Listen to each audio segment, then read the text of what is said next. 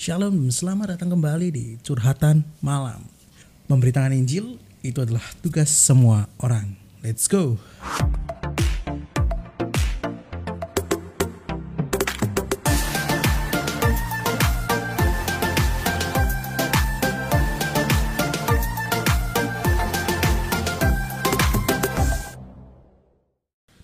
Pada curhatan malam hari ini kita akan berbicara tentang it's okay to be not okay. Seringkali ketika kita dengar orang bilang, oh cowok nggak boleh nangis. Nah ini kok kamu kamu cowok pasti mendengar hal ini gitu kan ya.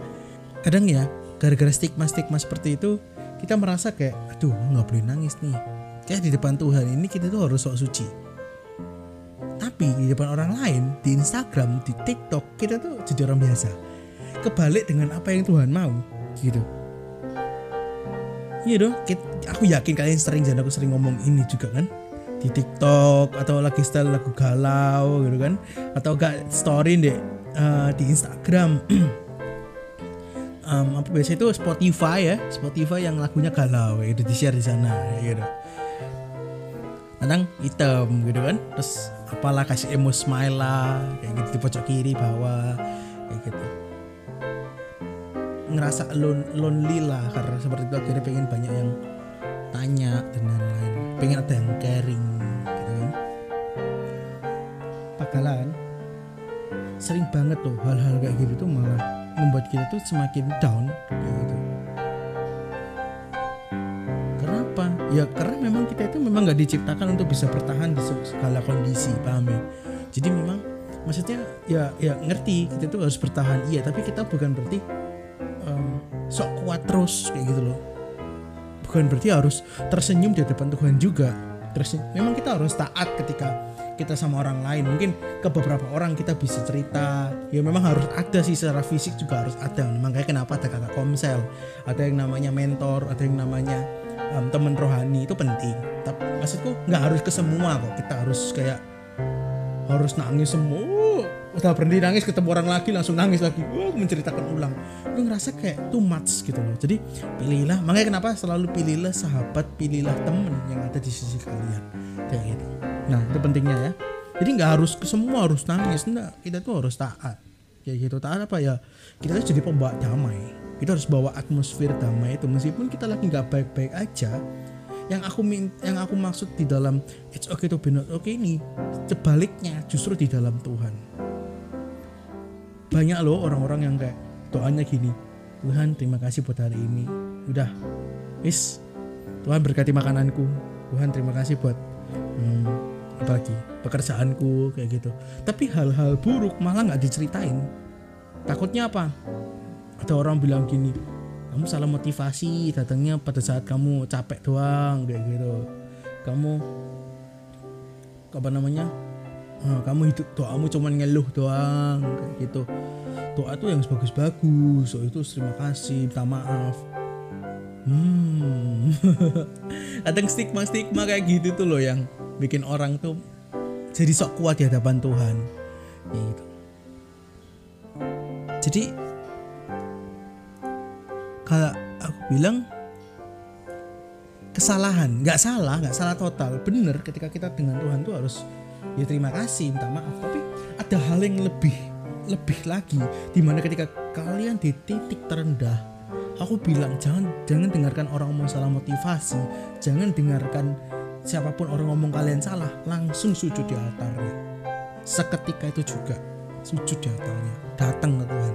Mau kalian nggak pernah ke gereja tiga tahun empat tahun lima tahun doa nggak pernah sujud nggak? Nggak ngerti cara doa. Ceritakan semua keluh kesahmu. Bukan untuk menuntut Tuhan. Harus tahu cara ngomongnya ya. Nggak usah yang pakai formal engkolang nggak usah Tuhan aku seperti ini seperti ini seperti ini seperti ini. Nangis saja dijadiin nggak apa-apa. Mending kalian nangis di depan Tuhan daripada kalian menangisi sebuah benda. Paham nggak sih? Banyak loh ya ketika orang-orang gini marah lebih milih apa? Ngomong sama guling terus ditinju-tinju ya loh terus harus ninju tembok ninju pet, apa cermin apa pecah. Cermin atau kaca ya? Gak tau lah pokoknya buat ngaca itu ya ditinju kayak gitu. Terus dia cerita sama teman-teman sampai menggebu-gebu sama Tuhan. Tuhan aku mau tidur. Bantu aku itu aku udah capek tuh hari ini. Lo capekmu kenapa? Jadi jangan dengarkan orang ngomong salah motivasi tidak apa-apa. Lebih better kalian langsung sujud itu kalian taat namanya. Kenapa? Karena Tuhan yang mau kalian ada ngerasa aku pengen doa deh aku capek banget rasanya. Itu bukan kemauanmu sendiri tapi rohmu yang membutuhkan dan Tuhan yang manggil.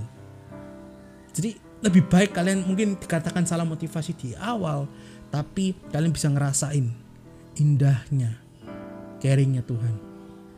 Aku mau cerita tentang salah motivasi. Jadi pada saat aku masih kecil aku pernah kecil ya mohon maaf.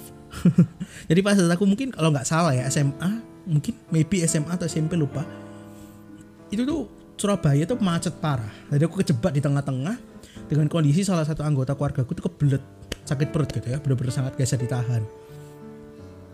Tiba-tiba ada satu resto mungkin termasuk baru lah karena aku juga baru lihat bahkan aku sering lewat itu hampir tiap hari malah. Tapi tiba-tiba uh, salah satu anggota keluarga aku bilang kayak aduh nggak kuat banget nih aku harus ke mana kayak gitu kan kalau buang air kecil kan gampang ya pun bisa di botol bisa di mana ya kan. Tapi ini kan buang air besar kayak gitu sakit perut dan akhirnya ketemu salah satu resto dan akhirnya apa? Ya udah mampir lah kayak gitu. Bahkan tujuan awalnya apa? Sakit perut cuman pengen ke toilet. Tapi sejak dari itu aku sejak aku masuk mamaku ke toilet mungkin aku cuma beli es teh manis di situ. Tapi sejak hari itu aku ngerti oh ada menu ini tuh di sini. Oh ada tuh makanan enak kayak gini tuh oh gitu. Aku ngomong sama keluarga aku yang lain yang masih nunggu di sana. Itu ngomong eh, eh lumayan ini gitu. Bisa dicoba. Dan akhirnya aku terus langganan di sana. Karena ya deket juga ya kan. Jadi menurutku sesimpel sesimpel kayak tadi restoran tadi loh. Kita salah motivasi tidak apa-apa. Sorry to say mungkin orang-orang yang nentang terserah tapi better kalian salah motivasi daripada enggak sama sekali. Karena salah motivasi kalian ini sebenarnya Tuhan saya ketahui dan memang Tuhan pakai ini caranya mengenalkan kasihnya. Mungkin selama kita ngertiin cuman agama-agamaan tapi hari ini Tuhan mau caring kalian dan kalian pengen ditunjukkan ini kasihku sebenarnya bukan main agama-agamaan. Kayak gitu. Aku bilang makanya kalian mau nangis nangislah. Ngomong semuanya. Ada ada satu tokoh yang paling bagus yang aku suka banget ketika berbicara tentang itu yaitu Daud. Daud itu adalah orang yang paling polos kok ngomong sama Tuhan. Meskipun ini kan karena tata, tata bahasanya beda dengan cara sekarang ya tapi kelihatan bangun kedekatan mereka. Dia itu cerita semuanya. Bahkan even kayak dia ngerasa aku gak kerasa ditinggal olehmu Tuhan. Dia even cerita ke Tuhan kayak gitu. Bayangin kayak seakan-akan kita itu menganggap Tuhan itu kayak benar-benar harus hati-hati apa. Enggak. Tuhan sendiri berkata kamu lah sahabatku. Gitu. dia gak mati demi sahabatnya. Asal kita mengasihi dia dia menganggap kita sebagai sahabat. Ya, gitu. Bahkan dia memilih sebelum kita memilih jadi sahabatnya. Ada satu ayat di mana bagus banget. Matius 34 ayat 19 eh kok Matius sih? Mazmur. Matius 34 Mazmur 34 ayat 19 Tuhan itu dekat dengan orang-orang yang patah hati dan menyelamatkan orang-orang remuk jiwanya. Remuk jiwanya itu benar-benar jiwa itu lebih ke arah kayak emosional, kayak yang lebih ke arah uh, ya apa ya, um, benar-benar kayak stres, gitu, depres, lebih ke arah kayak jiwanya gitu ya. Kalian ngerti lah ya. Aku kadang kurang bisa mendeskripsikannya. Patah hati dan remuk jiwa. Patah hati bukan tentang soal tentang pacar, tapi benar-benar down kayak gitu jadi Tuhan deket dengan orang-orang itu, tapi kitanya nggak mau sujud di altarnya. Kita nggak mau datang ke Tuhan. Mazmur 142 ayat 3 berkata gini, Aku mencurahkan keluhku kepada Tuhan, kepada kehadapannya, kesesakanku kuberitahukan kehadapannya. Mazmur yang berapa Mazmur ini 80% yang menulis Daud. Jadi dia ngomong gini kan aku curahkan keluhanku. Bukan untuk bukan untuk menuntut bukan apa. Ya wes just cerita just cerita. Aku cuma pengen ketemu dengan orang yang mendengarkan aku. Dah intinya. Ya hanya Yesus. Jadi kalian nangis sejadi-jadinya ada apa ada masalah dikit. Misalnya kalian hari ini over kerja dan ngerasa kayak aduh capek banget Tuhan. Lah ada kadang hati kalian kayak aduh ada sinyal tuh aku pengen datang ke Tuhan. Itu langsung datang kalian lagi di calling namanya. Kayak gitu. Ibaratnya seperti kalian di calling sama Tuhan. Ayo nak sini nak. Kayak gitu. Gak peduli kalian seberapa dekat sama Tuhan kok. Tuhan ngomong calling. Datang mau. Salah motivasi enggak apa-apa. Nangis nangis kamu ngomong apa pun boleh sama Tuhan. Tuhan kenapa ya hari ini seperti ini seperti ini seperti ini? Tuhan aku butuh bantuan Tuhan di sini di sini di sini. Karena aku pun ketika aku setiap hari aku cerita tentang kehidupanku. Tuhan hari ini aku kayak gini sih Tuhan. Aku senang banget karena dapat Tuhan. Aku bakal cerita hal-hal spesifik. Tuhan hari ini aku ngerjain karena ini aku bidang informatika ya. Aku kerjain bagian ini Tuhan. Besok sih aku pengen ngerjain hal ini, tapi aku masih bingung Tuhan di bagian ini di part ini kayak gitu. Soalnya stuck misalnya gini banyak error misalnya Tuhan. Dan sometimes Tuhan langsung kasih jawabannya. Sometimes Tuhan tuntun kayak gitu. Aku pernah bingung kan satu hal aku benar-benar sangat dilema banget dan aku tanya Tuhan aku merasa seperti ini sih Tuhan aku merasa seperti ini. Dan Tuhan kasih pelan-pelan di hatiku dan itu melegahkan. Aku merasa dapat damai.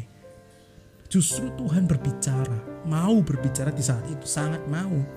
Mungkin kalian berkata loh aku rasanya cuman uh, aku nggak ngerasa Tuhan dengar aku. Ada satu ayat yang membuat aku ketampar sih Keluaran 16 ayat 9. Keluaran 16 ayat 9. Kata Musa kepada Harun, katakan kepada segenap jemaat Israel, marilah dekat ke hadapan Tuhan, sebab ia mendengar sungut-sungutmu. Wow, bayangin aja ya. Kalau misalnya BI kita versi BIS-nya itu sungut-sungut itu omelan. Bayangin, omelan aja Tuhan denger dan Tuhan nggak ngomong kamu salah motivasi, kamu salah ngomong, kamu salah cara ngomongmu salah kamu kamu harus nggak boleh ngomong gini ke aku. Enggak. Kan berkata apa? Datanglah ke aku. Soalnya aku udah denger omonganmu. Boom. Kita salah konsep selama ini. Kita ngerasa kayak Tuhan ada di gereja Tuhan ada di sate tapi nggak ada di kehidupan sehari-hari. Salah total. Ketika kita lagi ada masalah maka aku bilang ketika kalian marah ketika kalian punya kesempatan nggak usah cari gak usah cari sana sini langsung datang ke Tuhan. Aku ini banyak orang-orang yang anak-anak rohaniku sedang ngalamin ya.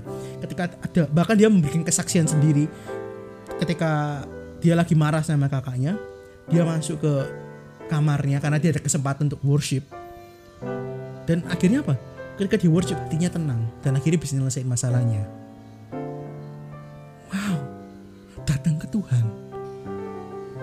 It's just mungkin kita nggak bisa ngomong udah capek banget tuh nggak bisa ngomong. Ya wes diem aja datang ke Tuhan dengan worship dengan apa. Nggak usah nggak usah ngomong aneh-aneh kok nggak bisa. Nanti Tuhan yang tuntun kamu ngomong. Aku pernah kayak gitu soalnya. Dan aku pernah marah dengan mamaku pada saat itu.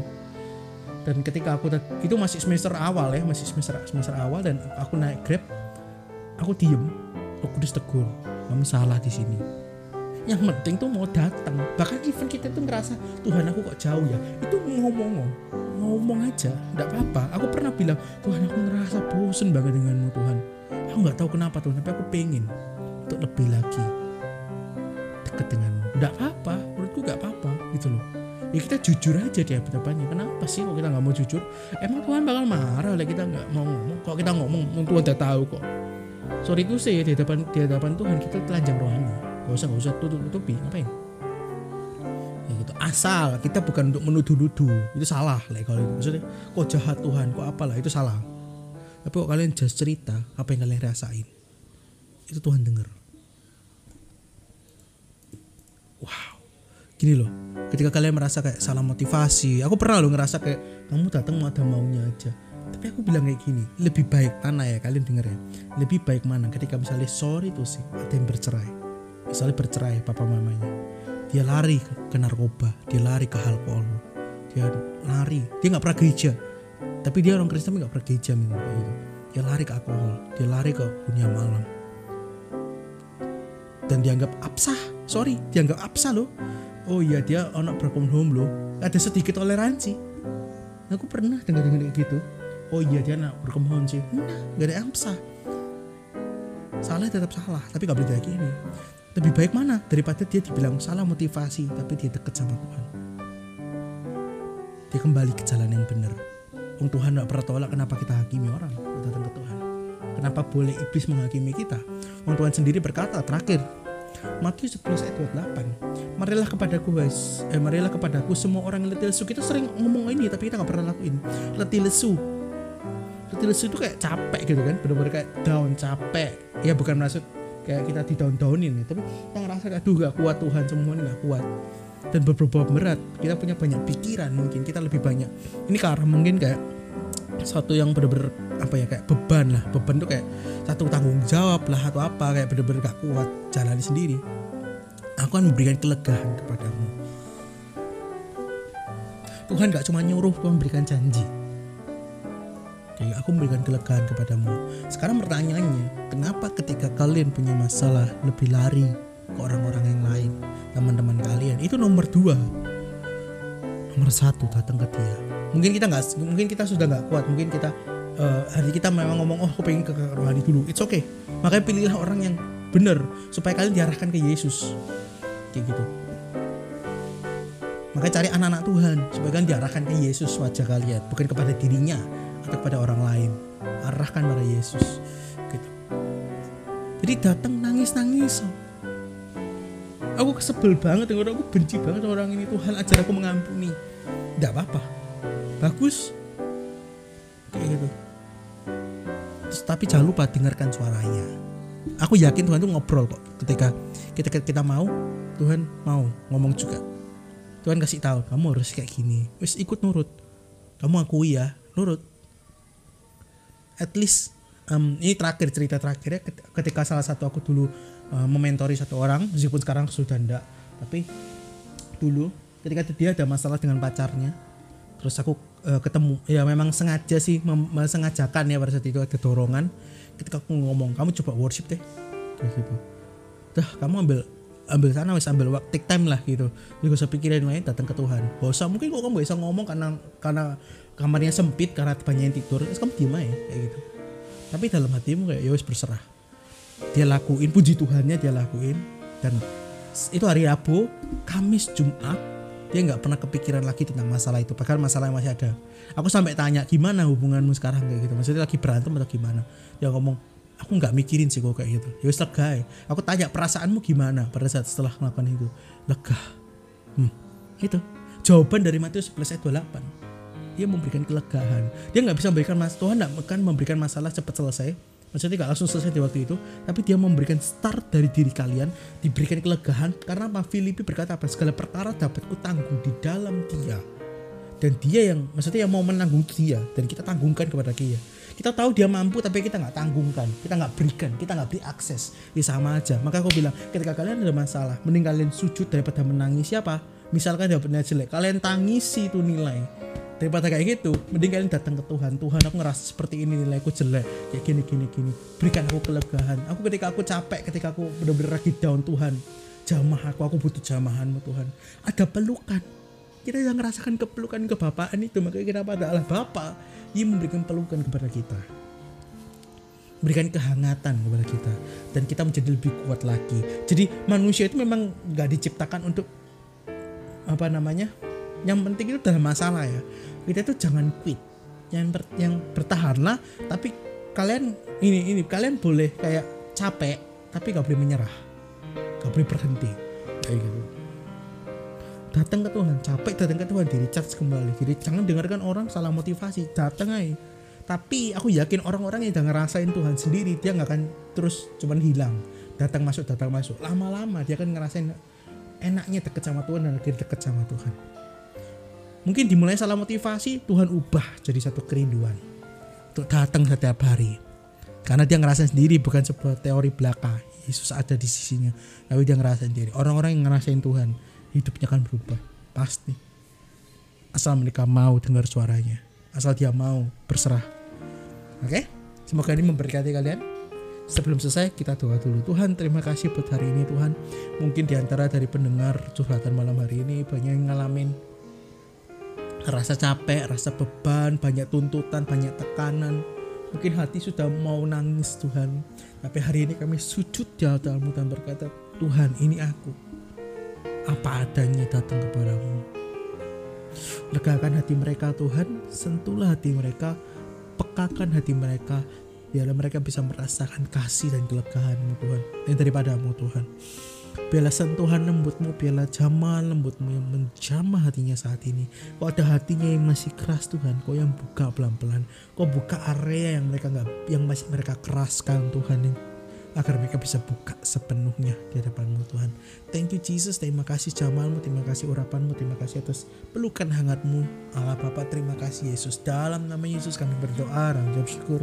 Amin. Kalau kalian terberkati dengan um, firman hari ini atau firman sharing hari ini gitu ya. Kalian bisa share episode ini dan kalian um, kasih kepada teman-teman kalian yang lagi membutuhkan. Semoga ini memberkati kalian. See you di episode berikutnya and God bless you. Bye bye.